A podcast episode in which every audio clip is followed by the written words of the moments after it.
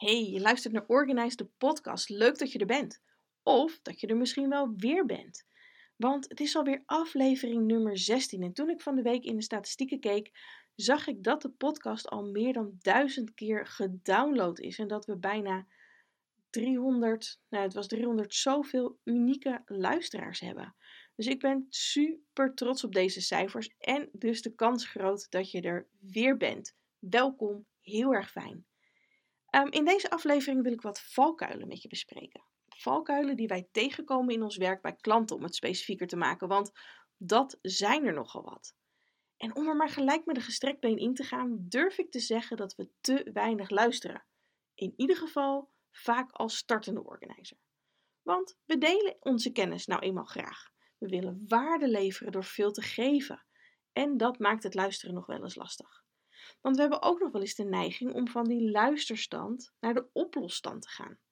Je hebt genoeg gehoord, denk je, en je denkt dus al te weten wat de juiste eh, oplossing is. Of je denkt dat die ander een oplossing van je verwacht. En tuurlijk is dat ook wel zo, maar die hoef je niet altijd gelijk te hebben. Soms wil je de ander ook ja, eigenlijk simpelweg overtuigen van wat je allemaal kan. Of ben je de stiltes aan het opvullen omdat je niet goed weet hoe je de ander aan de praat kunt krijgen? Het kan allemaal. En deze valkuil is ook helemaal niet erg. Je doet het vanuit het goed willen doen. Maar ik zal je een voorbeeld geven van wat er kan gebeuren. dus stel dat jouw klant zegt: zeg maar wat ik moet doen. Nou, dat klinkt jou als organizer waarschijnlijk als muziek in de oren. Een uitnodiging om volledig los te gaan met adviezen, toch? Maar het risico is dat jouw klant het vraagt om vervolgens op al jouw goede adviezen, op al jouw tips te antwoorden met: hm, Nee, werkt niet voor mij. Heb ik al geprobeerd. Lijkt me niks. Vind ik niet fijn. Met als gevolg dat jij op een gegeven moment door al je adviezen heen bent en steeds harder moet gaan werken om die klant tevreden te stellen. Ja, hoe zou je dan kunnen reageren? Bijvoorbeeld door te zeggen: Dat ga ik doen. Maar vertel eerst eens wat je al eerder geprobeerd hebt. Want door die wedervraag te stellen, kom je veel meer te weten over je klant, over het proces, over wat ze allemaal al gedaan hebben, wat er dus al wel werkt, niet werkt, niet meer werkt. En zo kun je met jouw voorstel veel beter aansluiten bij de situatie of bij de voorkeuren. Dus in dit voorbeeld zie je eigenlijk al dat je door de regie zelf in handen te houden, niet in de problemen komt. En je laat eigenlijk je klant werken in plaats van dat jij keihard aan het werk bent. Nou, andere valkuilen zijn bijvoorbeeld dat je het gevaar loopt om te gaan doordraven, zodat je klant je niet meer bij kunt houden. Of je laat je klant misschien onbedoeld zwemmen, omdat je denkt dat ze jouw opdracht of waar je mee bezig bent, dat ze je wel snappen en dat ze je volgen. Check dus altijd bij degene met wie je aan het werk bent of ze je wel volgen. En voor de mensen die bij mij de opleiding al gedaan hebben, Kijk wat de behoefte is en hoe je daarop aan kunt sluiten door het situationele leiderschapsmodel in te zetten. Is er meer begeleiding nodig of juist aanmoediging? En als je dit in de gaten houdt, blijft de klant bij je, weet je waar je mee bezig bent en maakt het de kans op afhaken minder groot. Want ja, weet je, dat kan natuurlijk als mensen zich zo overweldigd voelen dat ze denken: ho, maar wacht even, die gaat tien keer zo snel als dat ik wil. Laat maar, ik stop met het project. En dan is je klant niet blij, want die is uiteindelijk, ja, heeft zijn doel niet behaald. En jij bent natuurlijk ook niet blij, want jij hebt een klant minder. Ehm, nou, bij chaotische klanten is er de kans dat je gaandeweg je begeleiding van je doel afdwaalt. Of misschien zelfs wel onrealistische doelen stelt samen met je klant.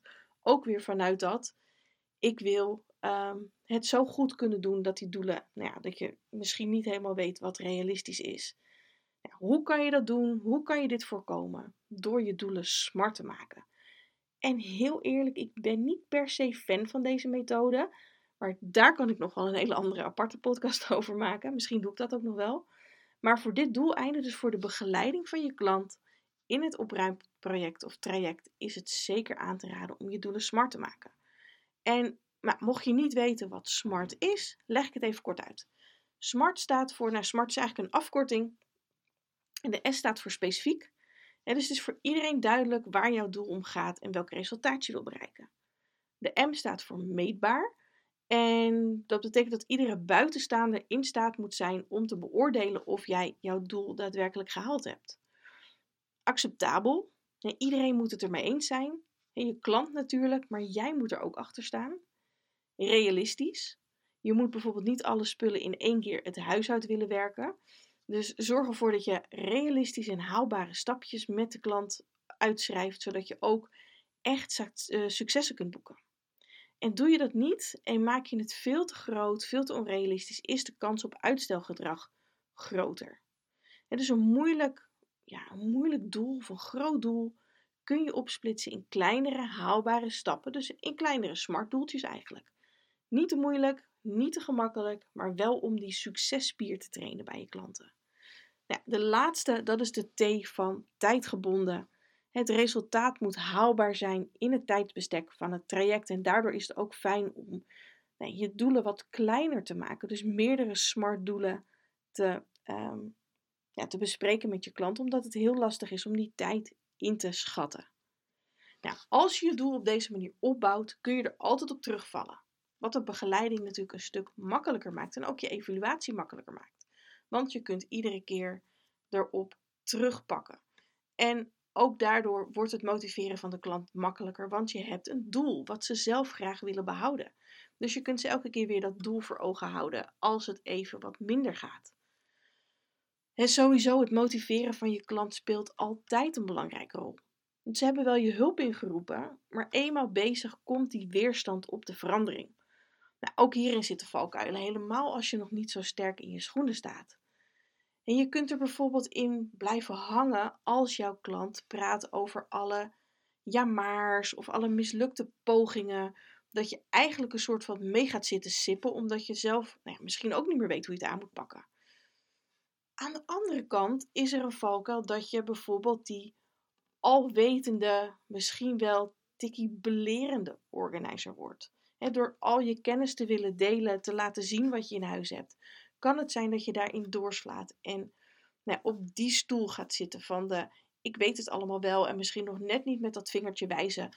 Maar goed, dat wil je natuurlijk niet. Je wil niet meesippen, maar je wil ook niet doen alsof jij alle wijsheid in pacht hebt en belerend gaan worden bij je klant. Dus het is best wel heel erg lastig om ehm, ja, aan de ene kant dat resultaat te gaan bereiken en te behouden. Aan de andere kant ook weer die motivatie te geven en om je klant aan te zetten om ja, dat nieuwe gedrag, hè, dat, die nieuwe olifantenpaadje, zoals ik het ook wel noem, in je hersenen. Uh, ja, daar, daarvoor is het nodig om nieuw gedrag aan te leren. Dus om uit oude patronen te stappen, nieuwe patronen te maken. En het is natuurlijk best wel heel erg lastig. en hoe doe je dat dan? Daar zijn natuurlijk talloze beïnvloedings- en sturingstechnieken voor. Motiverende gespreksvoering, je kunt gaan visualiseren met je klant, moodboards gaan maken. Nou goed, hier kan ik het wel een hele dag over hebben hoe je dat allemaal kan doen. En natuurlijk vertel ik daar ook veel meer over in de opleiding. Maar ik wil voor deze podcast, die wil ik een beetje kort en lekker luisterbaar maken. Dus daar ga ik het allemaal niet over hebben nu. Maar het is wel belangrijk om dat in je achterhoofd te houden. Dus ik ga je wel een aantal tips geven om je klant te kunnen activeren tijdens het traject. Dus om ze aan te zetten om wat te gaan doen. Zo kun je bijvoorbeeld je klant eerst om een kleine toezegging vragen, die nog nou, eigenlijk vrij onbeduidend is. En vanuit daar naar steeds grotere toezeggingen of steeds moeilijkere dingen toe te werken. Dus vraag bijvoorbeeld je klant om eerst alle kapotte panties weg te doen, zodat ze meer ruimte in haar la krijgt. En vraag pas later om haar truien of haar jurken bijvoorbeeld uit te zoeken. Of vraag of de kassabonnen van alle onbelangrijke uitgaven weg kunnen, zodat je meer inzicht krijgt in wat er nou belangrijk en onbelangrijk is. Ehm, ja, een ander voorbeeld is: laat je klant een post-it op de koelkast of op de deur hangen met iedere dag een klein taakje die je dan elke keer weer uit gaat breiden. Dus laat je klant actieve beloftes of toezeggingen doen. Je kan dat natuurlijk ook door in een to-do-boekje te laten schrijven of in een agenda. Dat ze bijvoorbeeld met ingang van vandaag iedere avond ehm, de keuken even opruimt. Of iedere ochtend het bed opmaakt. En vanuit daar steeds meer beloftes gaan maken, laten doen. En je hebt tegenwoordig natuurlijk ook heel veel van die mooie apps daarvoor.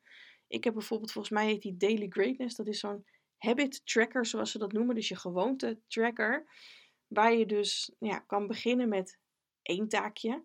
Dus bijvoorbeeld met iedere ochtend je bed opmaken, of iedere ochtend uh, douchen, of uh, s'avonds je make-up van je gezicht afhalen, of je vaatwasser inruimen, gezond koken. Je kan er natuurlijk van alles inzetten en dat kun je steeds verder uitbreiden.